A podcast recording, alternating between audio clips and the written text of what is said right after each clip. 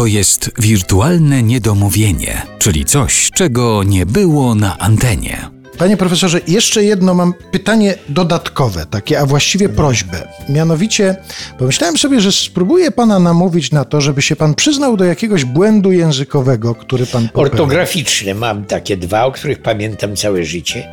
70 lat, już prawie, no 65. Napisałem jest- żurawie przez okreskowane. Ale potem doszedłem do tego, że kiedyś się tak pisało. A, czyli sam się pan uratował z tego kłopotu, tak. No i byłaby, pamiętam nawet, że szlachta byłaby się rzuciła na klucznika. Napisałem osobno. Byłaby.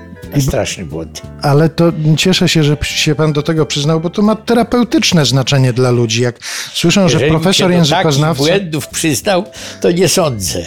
To tak jakby ktoś się przyznał do, nie wiem, do zbrodni, że kiedyś przeszedł nie na skrzyżowaniu.